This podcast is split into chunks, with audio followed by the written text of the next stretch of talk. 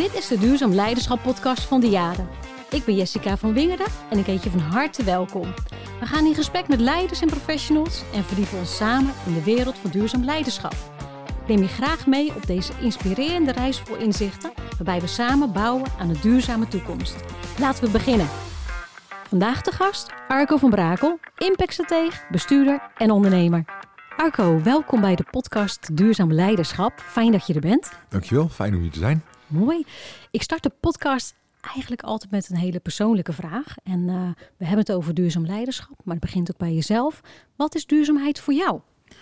Ja, voor mij is duurzaamheid dat je met um, uh, alle beslissingen die je neemt, toch wel de volgende en de generatie daarna in gedachten hebt.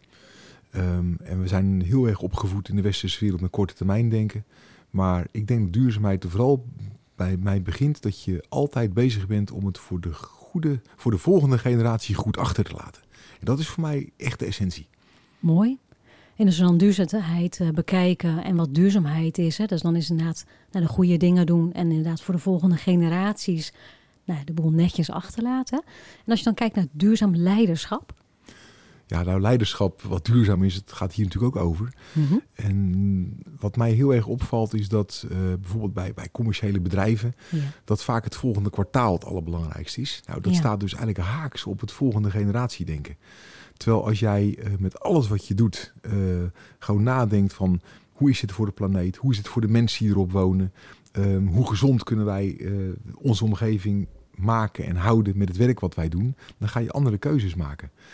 Um, ik ben dan wel ondernemer genoeg om er wel van overtuigd te zijn nou, dat je daar ook een business case mee kunt maken. Ja. Maar tegelijkertijd um, vind ik het heel moeilijk om in de westerse werkcultuur dat echte lange termijn denken erin te brengen.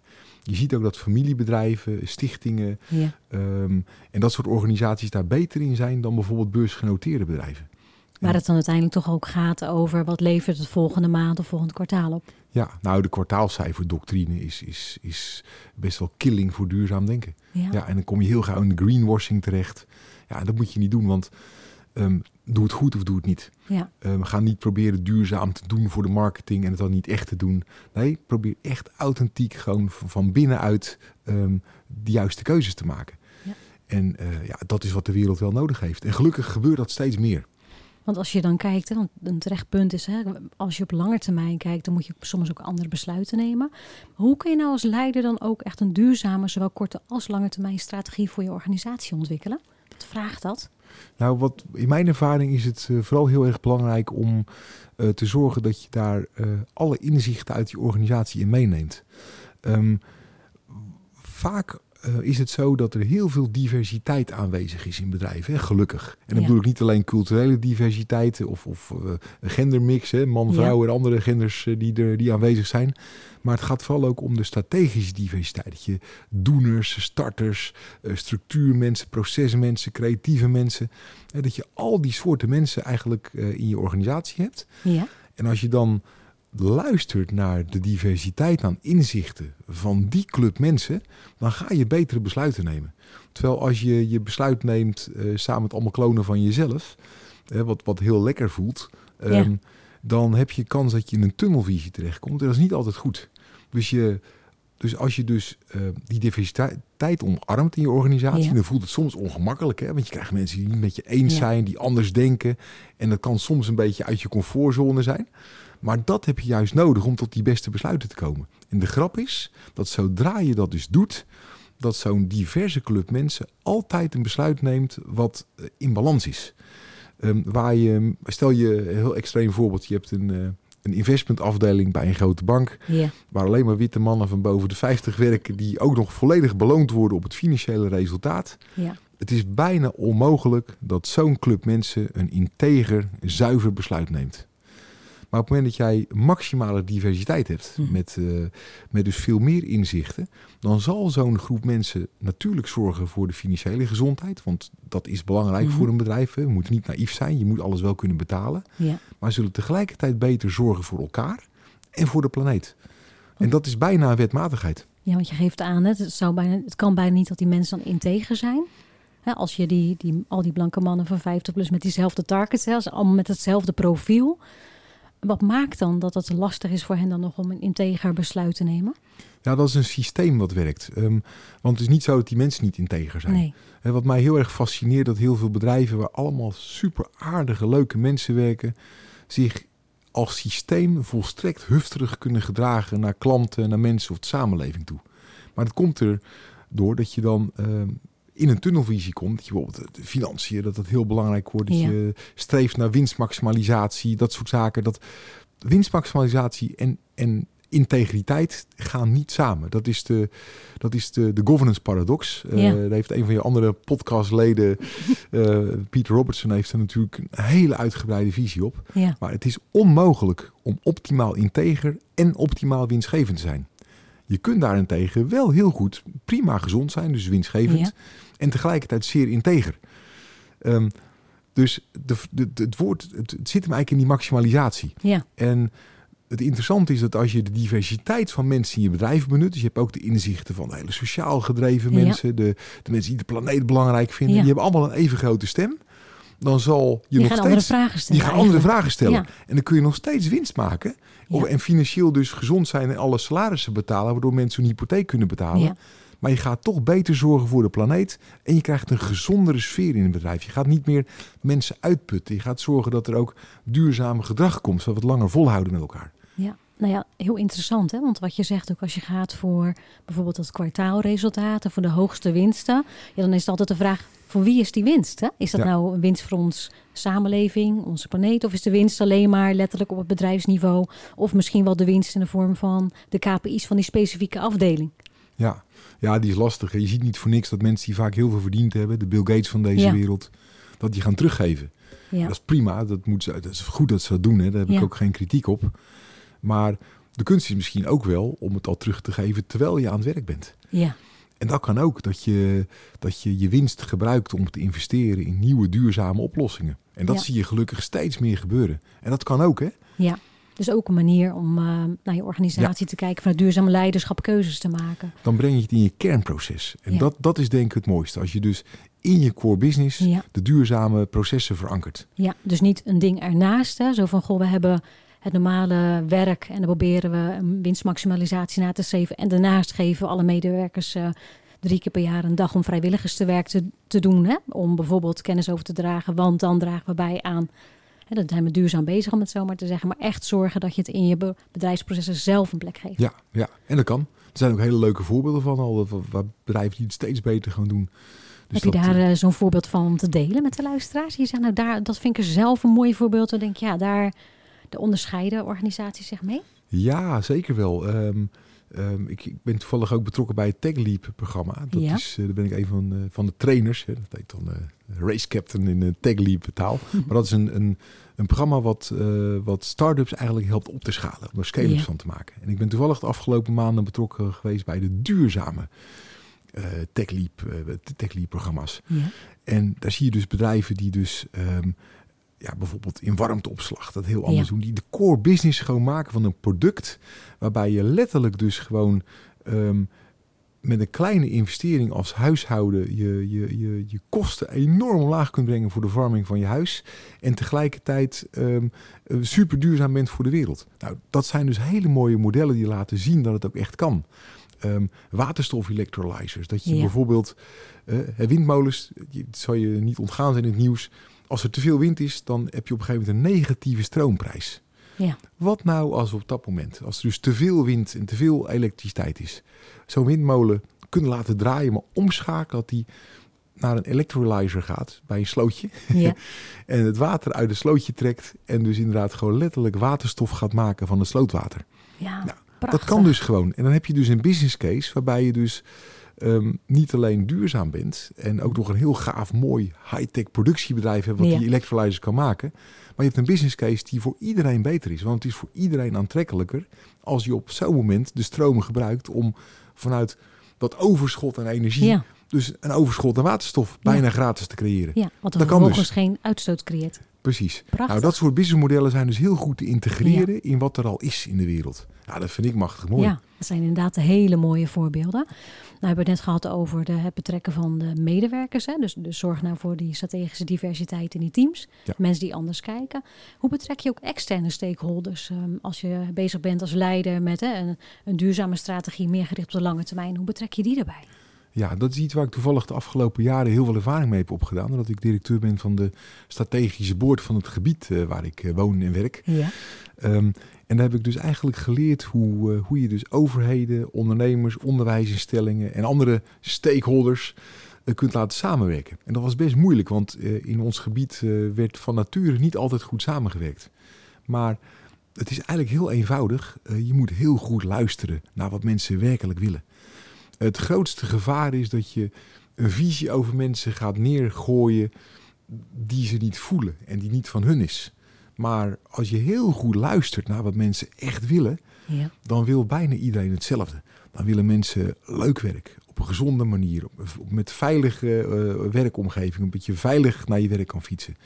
Um, ze willen het liefst, um, zou het liefst in een duurzaam huis wonen, maar wel betaalbaar, want dat is ook belangrijk. Um, ondernemers willen graag dat, uh, dat er voldoende mensen zijn om het werk te kunnen doen. Hè? De energietransitie bijvoorbeeld loopt spaak omdat er te weinig vakmensen zijn, om iets te noemen. Als je dat soort dingen gaat vragen, dan, dan hebben mensen hele duidelijke basale wensen. Ja. Die bijna altijd duurzaam zijn. Er stapt werkelijk niemand zijn bed uit s morgens met het idee van jongens, vandaag ga ik de planeet vervuilen. Nee. Alleen wat je. Niet. Nee, gelukkig niet. Nee. Wat je vaak ziet, dat hele praktische dingen in de weg staan. Um, wat bijvoorbeeld, uh, neem de agrarische sector, hè, die ja. veel in het nieuws, een hoop gedoe. Ja. Uh, en het lijkt net of het de grootste vervuilers van de planeet zijn. Maar iedere boer houdt van de natuur. En iedere boer is bereid om te innoveren en zijn businessmodel te innoveren om die natuur te redden. Maar waar zit die klem?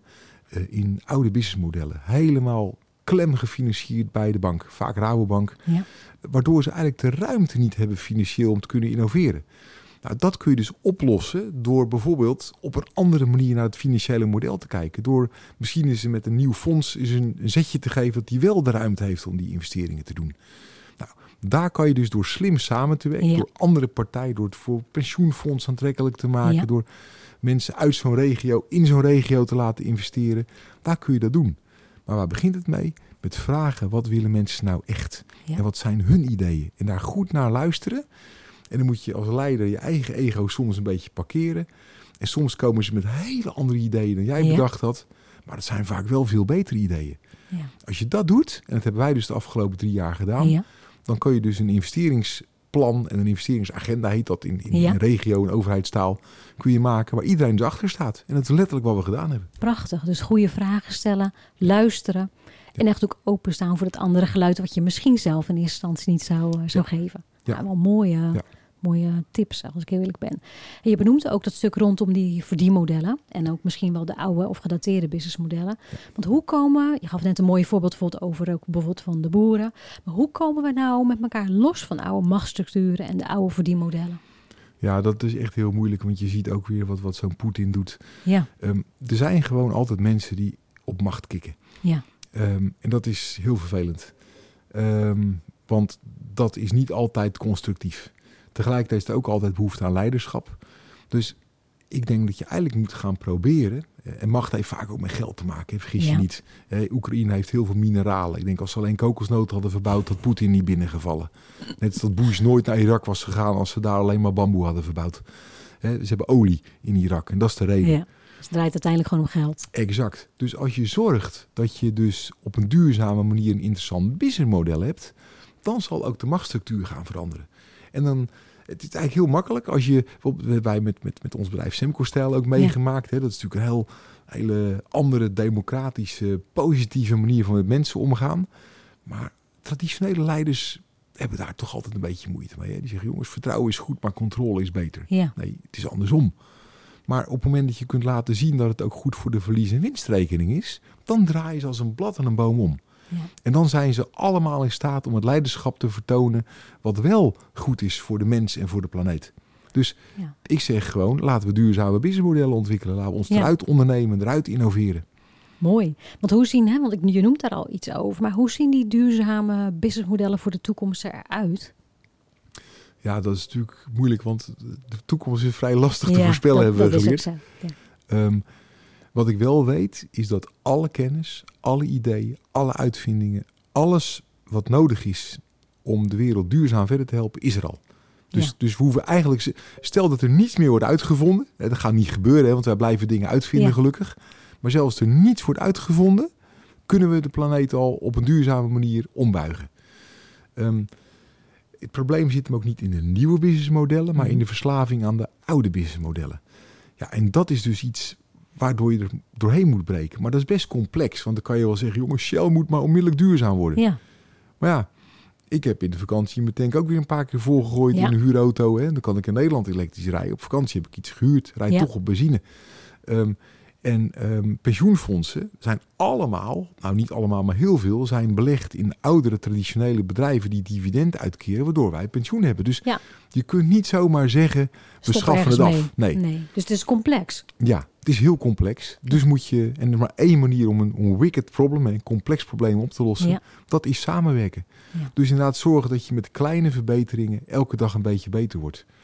Ik geloof niet zo heel erg in de revolutie. Mhm. Die heb je ook nodig. Hè. Tesla is het voorbeeld van een revolutie in de auto-industrie. Een IT-bedrijf wat de auto-industrie verandert. Maar nu zie je eigenlijk best wel snel dat de andere autobedrijven ook veranderen. Ja. En dat is waar ik in geloof. Dat je met elkaar door samen te werken, door de kennis, door de ideeën, door de diversiteit te benutten, elke dag gewoon een stapje maakt.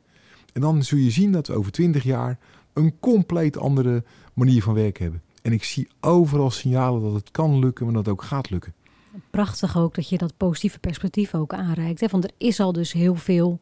We hebben eigenlijk alles overhanden wat nodig is om te versnellen in duurzaamheid. Ja. Je hebt de afgelopen drie jaar van dichtbij gezien hoe samenwerking daar ook een randvoorwaarde is. Dan ben ik wel heel nieuwsgierig, hè? want je hebt daar van dichtbij mogen meemaken van hoe samenwerking zorgt voor echte impact. Hoe kun je dat nou, zeg maar, die impact die je maakt met elkaar, hoe kun je dat nou vasthouden, maar ook laten zien aan de anderen? Ehm, ja, door wel gewoon. Ehm, ja, ik vind dat je, je wel moet vertellen wat je doet. Ehm, ik geloof niet zo in het opscheppen en promoten. Hè. Dat wordt heel gauw ook mhm. gezien als greenwashing. Ja. maar wat ik altijd de beste manier vind om dit te doen, is te laten zien dat de mensen met wie je doet succesvol zijn. In het geval van de regio, ja. Eh, wij kunnen als regio-organisatie alleen maar succesvol zijn als onze klanten, als onze, onze bewoners, onze bedrijven, onze onderwijsinstellingen succesvol zijn. Ja. Dus wij laten die verhalen voortdurend zien. Um, met Semco Style Instituut, wat natuurlijk heel een, een duurzame leiderschapsstijl is, laten wij voortdurend zien wat er gebeurt in de wereld met bedrijven die Semco Style toepassen. Dus we gaan niet lopen opscheppen, we gaan laten zien wat er gebeurt in, in de wereld. En dat is de allerbeste manier om, om de trots die je hebt van, van, van waar je mee bezig bent, om dat te laten zien. Laat andere mensen maar vertellen wat het effect is geweest op hun leven, op hun bedrijfsvoering, op een organisatie. Dat is de beste manier. Dan krijg je vanzelf een community die groeit. Mooi, want je zegt ook iets heel moois, dat het dus ook gaat om de beleving en de impact. Niet alleen maar misschien wel in de rapportages op je cijfers, hè, maar ook wat doet het met mensen. Ja, dus, dus wel echt die twee perspectieven samenbrengen dan. Ja, maar joh, maar daar gaat het om. Uh, ja. Een organisatie, weet je, ik kan zeggen, ah, voor KPN of voor Diade, weet je wel. Maar ja. Diade zijn de mensen. Het zijn de mensen van Diade waarmee je werkt. En, en jullie doen het voor de mensen in het onderwijs. Ja. En daar gaat het om. En als die mensen in het onderwijs merken dat het werkt, dat ze een beweging op gang brengen, dat ze de energie voelen, ja, dan gaat het lukken. Dus het gaat altijd om, om het menselijke verhaal erachter. Ja, ik, ik, ik denk als je, zodra je dat vergeet, dan, dan ben je weg. Um, we, ik zal dus nog sterker hier een statement maken. Ik denk zelf dat we het niet eens doen voor de planeet, want de planeet redt zich wel. Ja. Ik denk als de, als de aarde echt een keer boos wordt, dan, dan worden wij als mensheid gewoon weggevaagd. Dat, dat zal zijn al vaker soorten uitgestorven, waarom wij niet. Ja. Um, dus de planeet is er nog wel over een miljoen jaar. Misschien met nieuwe soorten. Uh, maar ik denk dat we vooral moeten zorgen dat we het voor onszelf samen met alle andere bewoners op de aarde, de dieren, de planten, ja. het hele de diversiteit aan, aan de biodiversiteit. Ja. Daar doen wij het voor, dat wij daar samen in harmonie op een gezonde manier in kunnen leven. Ja, en het zou heel prettig zijn als mijn kinderen en hun kinderen, als mijn kinderen kinderen willen, uh, dat, die, dat, dat die daar nog gewoon plezier van hebben en daarvan kunnen genieten. Dat is wel voor we doen. Dat betekent eigenlijk ook als je kijkt naar hoe we met duurzaamheid als uh, samenleving internationaal omgaan, dan hebben we het ook heel vaak over standaarden en rapporteren. Maar betekent ook dat er naast de harde cijfers over hoeveel reductie heb je dan op je CO2-uitstoot, hoeveel heb je een reductie op dit, dat je eigenlijk het andere verhaal een veel prominentere plek zou moeten geven. Wat is dan wat je toevoegt aan de levens van? Ja, ik denk het wel. Want dat is uiteindelijk waar het om gaat. Dan, dan gaan mensen het herkennen. Ja. Um, ik denk ook uiteindelijk dat, dat iemand als Poetin misschien uiteindelijk wel meer voor de energietransitie heeft betekend dan, dan wie dan ook. Ja. Uh, want die dwong ons ineens om, om anders naar onze energiegebruik te kijken. Ja. Uh, ja, en dat kwam heel dicht in onze levens ineens kwam dat Ja. terecht. Ja, als je van eh 200 euro naar eh 750 euro per maand aan energierekening gaat, dan, eh, dan heb je niet zoveel opties meer dan gewoon ook echt anders te gaan eh, Precies. gedragen. Precies. En dat vind ik wel boeiend, want we maken ons heel erg zorgen over, over het klimaat, over de opwarming. En terecht, want er is natuurlijk iets aan de hand in de wereld. Ja. Toch is het zo dat er meer dan tien keer zoveel mensen doodgaan aan koude dan aan warmte in de wereld. En dat hebben we gemerkt toen Poetin ineens de gaskraan dichtdraaide. Ja, Dat kou eigenlijk best wel gevaarlijk is in huis. Dat het heel ongezond wordt. Ja, dus zeker. energie is super belangrijk voor ons als mensheid. En als Ja. we dat dus op een andere manier. Dat we niet- Duurzamer. ja, Ja. En dan even los van, hè, van, van het klimaat. Stel dat wij in staat zijn om die duurzame energie op te wekken. Dat gaat vaak veel lokaler. Hè? Want wind en zon is Ja. altijd lokaal gebonden. Ehm, dan in één keer haal je een businessmodel weg bij gekken zoals Poetin en bij Ja. oliesheiks. Ja.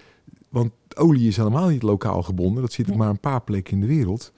En in één keer ben je dan niet meer afhankelijk van dat soort idioten. Ja. Dus het is ook een hele duidelijke kwalitatieve reden voor de wereld om een omschakeling te maken in energie. En zelfs een klimaatontkenner zou enthousiast moeten worden van het feit dat je dan meer wereldvrede krijgt. Ja. Als er niet meer om olie geknokt hoeft te worden. Dus het is een niet zozeer, hè, dus dan kan ook een andere drijver zijn, Ja. waardoor je er wel voor kiest om hier aan bij te dragen. Ja, ja. Mooi. Arco, als je kijkt naar jouw ervaringen in de Economic Board, vertelde je net al iets over de organisaties en wat zij zoeken. Hè? En dat je goed moet luisteren, vragen moet stellen. Eh, een van de onderwerpen die je zojuist raakte was ook het tekort aan vakmensen. Ja. en of de behoefte misschien aan vakmensen.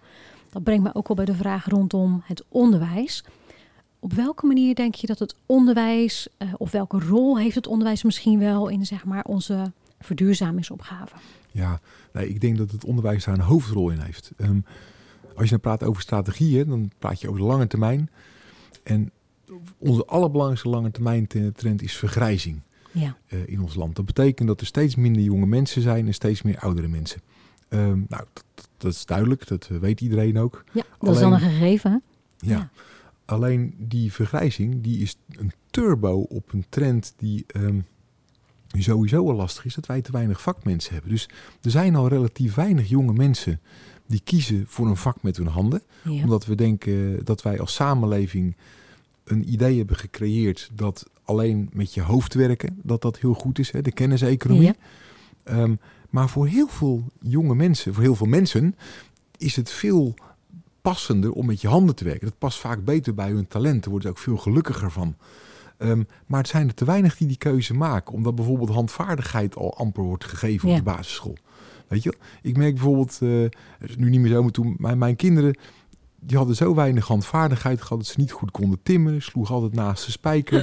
Je voelde niet wanneer een schroefhand vast zat. Hè? Ja, ja. Ik weet precies wanneer het vast zit. Ja, Dat gevoel, dat, dat zit in je spiergeheugen. Maar dat hebben heel veel mensen niet meer. Dus daar begint het al. En dan is het al geen serieuze optie om iets met je handen te gaan doen. Maar als je dan ziet dat er sowieso dus al te weinig mensen zijn om de energietransitie vorm te geven. Er zijn te weinig fietsenmakers, te weinig instrumentenmakers. Dus, dus er zijn veel meer vakmensen tekort. Maar vooral hebben mensen nodig die windmolens, zonnepanelen, laadpalen en dat soort dingen gaan aansluiten. waterstof. Waterstof, ja. ja. Dat, hebben allemaal vakmensen voor nodig. En dan heb je dus al te weinig mensen. En vergrijzing is nog eens een keer turbo erop. Waardoor er Ja. nog minder mensen komen die dat doen. Nou, dat is dus een heel groot probleem. En ik denk dat het onderwijs Ja. een hele grote rol kan spelen om te zorgen dat we dit weer anders gaan doen. En je zou je bijvoorbeeld kunnen voorstellen dat we in de CITO-test, hè, dat vinden we kennelijk met z'n allen belangrijk. Nou, ik, ik denk die iets overschat wordt in alle eerlijkheid. Ja. Maar laten we dan ook eens gaan kijken of we een CITO-test voor vakmensen kunnen doen. Dat je dat stukje intelligentie en dat stukje talent kunt meten. Want ehm, heel veel jonge mensen die echt een talent hebben om met hun handen te werken. Ja. Die soms in één oogopslag kunnen zien of een tafelwater pas staat. Hè? Dat, is een, dat is een vorm van intelligentie die niet iedereen heeft. Nee. Die zijn wat minder goed misschien in Duits en Frans en Nederlands. Maar die kunnen dat wel. En dat is dus een talent. En dat is ook een vorm van intelligentie. Laten we kijken of we dat ook eens kunnen testen. Dat we, dat we voor mensen het een serieuze optie maken om een eerbaar beroep, namelijk vakman, vakvrouw in de bouw, in de installatie, om dat aantrekkelijker te maken. Ja. ja als we dat met z'n allen doen en we kunnen de ouders daarin meebewegen, we kunnen de, de politiek daarin meekrijgen, ja. we kunnen zorgen dat bedrijven dat ook weer meer gaan belonen. Hè? Want het is heel gek dat wij het in de voetballerij heel normaal vinden dat Ronaldo, de sterspeler, meer verdient dan zijn coach. Maar waarom verdient een vakman die het echte werk doet minder dan zijn manager? Dat is heel raar. Want de vakman is de sterspeler, niet de manager over het algemeen. Dus we zouden eens op een andere manier moeten gaan waarderen hoe belangrijk dat is. Duitsland doet dat wel. Als je daar een goede vakman of vakvrouw bent, dan ben je meester. Ja. Dan heb je in je dorp hetzelfde aanzien als een notaris en een dokter. Ehm, omdat je meester bent. Dat zou ik graag in Nederland uh, willen terugkrijgen. En ik denk als we dat met het onderwijs zouden kunnen vormgeven, mhm. dat er een hele andere toekomst is voor Nederland dan we, dan we nu eigenlijk hebben. Maar je noemt net ook een mooi voorbeeld hè, over je eigen kinderen. Dat je hebt gezien dat ze vergelijking met jezelf eigenlijk eh, handarbeidlessen, technieklessen, dat dat soort dingen eigenlijk niet of zeer gering aanwezig is in het onderwijs. Dus dat betekent dan eigenlijk ook wel dat je heel vroeg moet beginnen dan. Ja, ja. gelukkig, mijn kinderen hebben wel een vak gekozen. Mijn zoon die is, zit op de filmacademie en die is echt, wil vanaf zijn derde filmmaker worden. Dus je heeft echt, ondanks dat hij cum laude mhm. VWO heeft, heeft hij echt besloten om dit te doen. Is zijn passie. En ja ja, als je ziet hoe bevlogen die daarmee bezig is. En mijn dochter werkt in, in de horeca. Um, en ook echt, dat is ook een vak. Ja. Um, dus, dus wij hebben bewust uh, daar alle ruimte ook in gelaten. Um, omdat we denken dat het belangrijk is dat je iets doet waar je hart ligt. En ja. waar, je, waar, je, waar je plezier in hebt en waar je, waar je talent in hebt. Ja. En ik denk dat de voldoening voor sommige mensen veel groter is om met hun handen te werken. Dan, uh, dan op, uh, op een kantoor te zitten. Maar dat zou betekenen dat je dus eigenlijk al moet beginnen in de basisschool, daarna het voortgezet onderwijs, om dan ook te zeggen, joh, in je curriculum, tuurlijk is het heel belangrijk lezen en schrijven, dat is de basis voor alles.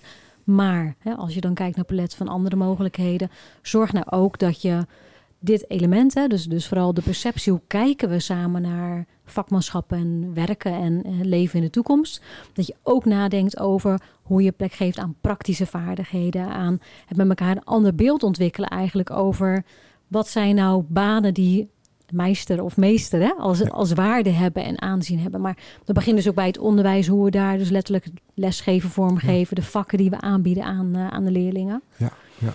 Wat, voor, uh, wat voor rol hebben schoolleiders daarin uh, vanuit jouw perspectief, Arco?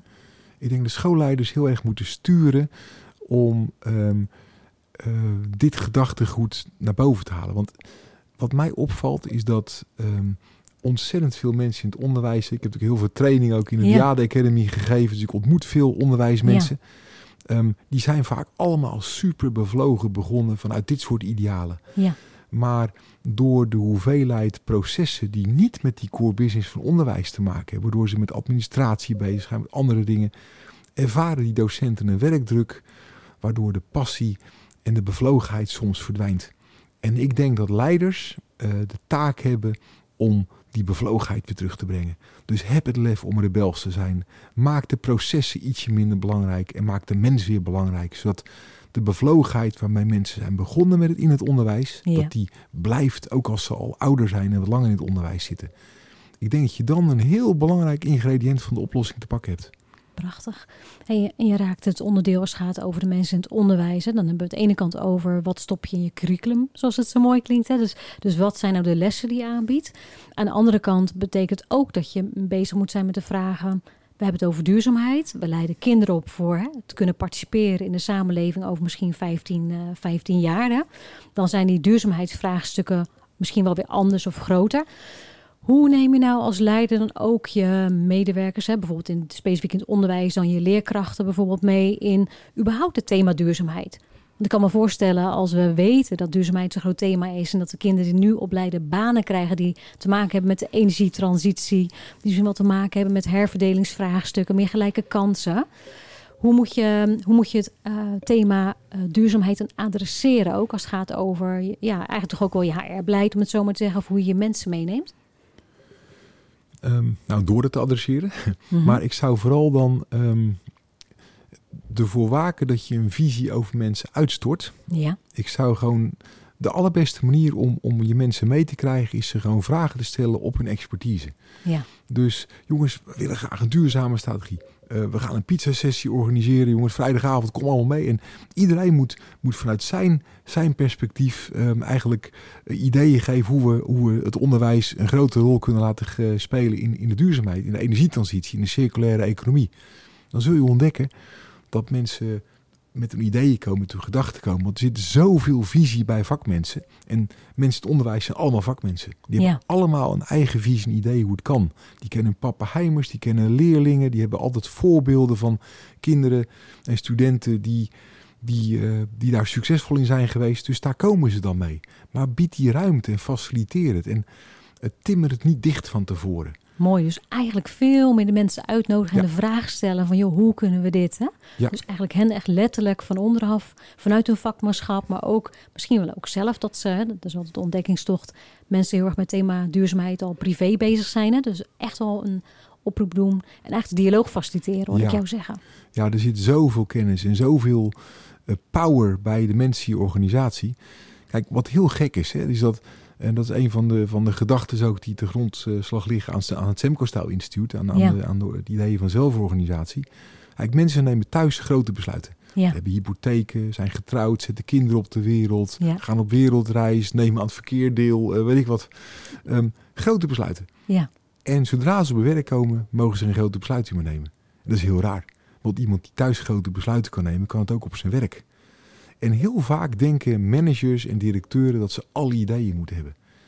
En dat is heel raar, want er zitten net zoveel ideeën op de werkvloer als in Ja. jouw hoofd. Sterker nog, de beste ideeën zitten vaak op de werkvloer. dichtbij Ja. het primair proces, dichtbij de leerlingen. Ja, Maar we hebben in de westerse wereld een leiderschapscultuur gecreëerd waarbij ehm, we eh, te veel verwachten van de leiders. ja, En de leiders ehm, een systeem hebben gecreëerd waarin er geen ruimte is voor de ideeën van de mensen op de werkvloer. ja, En vervolgens word je dan als leider bevestigd in dat idee. Je denkt, ja, mijn mensen hebben al helemaal geen ideeën. Alles moet van mij komen. Nou, dat heb je dus gecreëerd. ja, Terwijl als je dat eens omdraait en gewoon eens niet zelf met je ideeën komt, maar als leider je realiseert dat jij vooral maar één taak hebt. Dat is te zorgen dat de mensen om jou heen groeien. ja, Ja, dan heb je een compleet andere insteek. En dan ga je wel gebruik maken van de kennis van, van, van de mensen in je omgeving. Dus veel meer faciliteren, minder jouw gedachten prominent maken, maar gewoon meer vragen stellen, meer uitnodigen. En is één cruciaal ingrediënt, eh, wat, wat, wat de, de schakel is waarmee je dit Ja. kunt oplossen. Wees mild als er fouten gemaakt worden. ja. Dat is een cruciale voorwaarde.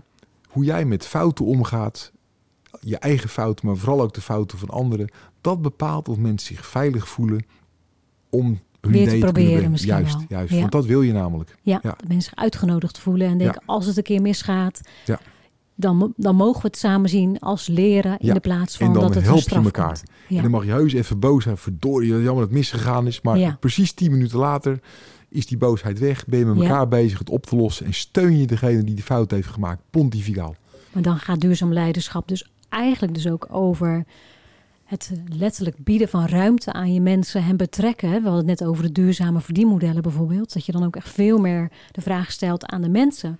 Van we willen naar, hè, vanuit duurzaam leiderschap, vanuit onze duurzaamheidsvisie, willen we naar een ander verdienmodel. Dat je de mensen uitnodigt om mee te denken. Dat is precies wat het is. Ja, Ja. dat je zegt, ehm, ik bedenk het niet, dit is de vraag. Willen jullie alsjeblieft gewoon eens nadenken over verschillende oplossingsrichtingen? Ja, dat is het. Ja, Prachtig. Mooie, mooie manier om, eh, om duurzaamheid eh, en duurzaam leiderschap, denk ik, in de praktijk eh, vorm te geven. En vooral om mensen naar te betrekken. Ja, En heel erg passend bij het onderwijs, want dat zijn per definitie professionele organisaties met vakmensen. En hiermee zet je de vakmensen in hun kracht. Mooi. Prachtig voorbeeld. Nou heb ik in een podcast altijd een aantal dilemma's voor mijn gasten om, om te delen. Het gaat als volgt. Ik laat je kiezen uit, uit eigenlijk letterlijk twee dilemma's. En nou, ik, je krijgt er drie van me. Aan het einde van mag je me één slechts een toelichting geven. Dus, eh, en ik zal eh, heel voorzichtig zijn, maar ze zijn best uitdagend. En bij alles kun je nuanceren, maar je moet toch kiezen. Ja, je weet hoe slecht ik hier ben, hè? De- de- ik, daarom gaf ik de winstwaarschuwing. Ik ga van start. Je mag van mij kiezen. Businessmodel of waardemodel? Ja, ik, hoewel ik heel erg geloof in het businessmodel, kies ik toch voor waarde. Mooi. Kleine impact of grootste dromen? Um, hier wil ik straks op terugkomen. um, ik ben van de grootste dromen, maar daar heb ik wel een nuance bij straks. Mooi. En de laatste is doe maar duurzaam of doe maar gewoon? Ik vind dat we, ja, doe maar gewoon, want dat doe je al gek genoeg, vind ik een waardeloze uitspraak. Ik denk dat als je gewoon doet, dat als je gek doet, dat je dan steeds meer dan gewoon genoeg bent. Dus ik ga voor duurzaam. Mooi. Ja. En jij wil een toelichting geven over op de grootste dromen. Ja, want uh, grootste dromen zijn belangrijk. Um, een schone planeet die leefbaar is voor onze samenleving, voor onze kinderen, ja. is een hele grote droom. Zeker. Um, een superbelangrijke droom. Um, maar de grap is dat die alleen maar lukt als wij allemaal kleine stapjes nemen elke dag. Dus het is NN. Die grote droom lukt alleen maar als wij ons realiseren dat wij um, elke dag kleine verbeteringen kunnen doorvoeren. En dan komen we er ook met z'n allen. Het gevaar van een grote droom heb ik vaak ontdekt, is dat mensen daardoor afgeleid kunnen worden. Dat die gro zo groot lijkt dat ze niet weten waar ze moeten beginnen. Want ze denken, hij is gewoon misschien wel zo groot dat hij bij een droom blijft, want hij is niet realiseerbaar. Juist, juist. Ja. En daarom is het zo belangrijk om die kleine stapjes te maken. Um, want dat is namelijk de enige manier om er te komen. Ja. Mooi, ja. mooie toelichting ook. En nou heb ik een, uh, toch iets om van jou vooral ook te willen leren.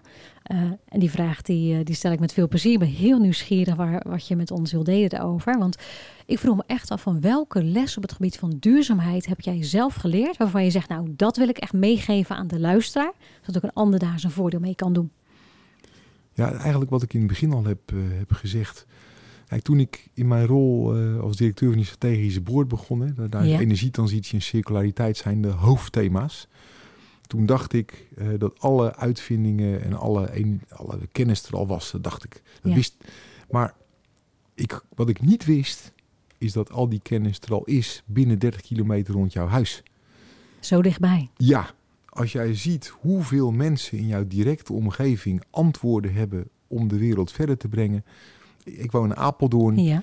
Ik kan je zeggen, in Zutphen zit een, een waterstoffabriek die duurzame waterstof maakt. In Apeldoorn was een man die maakt waterstof electrolyzers. Uh, ik ben lid van de innovatiecoöperatie in Lochem, 30 kilometer bij mij vandaan.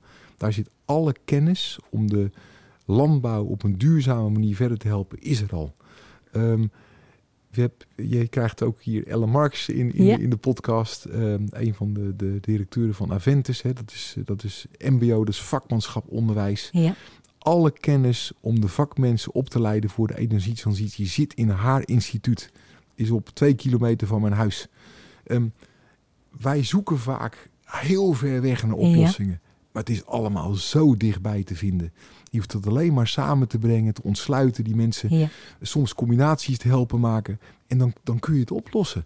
En het is zo dicht bij huis. Nou, dat is voor mij een van de grootste eye-openers die ik zo inspirerend vind dat ik dat heel graag uh, deel. Mooi. Dus de tip is voor uh, al onze luisteraars: uh, zorg dat je het vizier niet helemaal ver op de horizon zet, maar kijk gewoon dicht bij huis.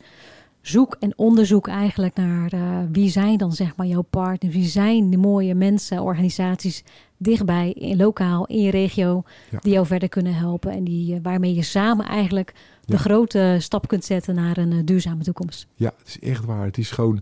Ik, ik laatst een jongen even een, een- de pantry. Dat is dus een, een onbemand eh, tiny house wat gekoeld is, waar alle lokale leveranciers van boeren tot slager Ja. tot, tot, tot die leggen daar hun lokale groente, fruit en vlees neer. Onbemand concept, super schaalbaar.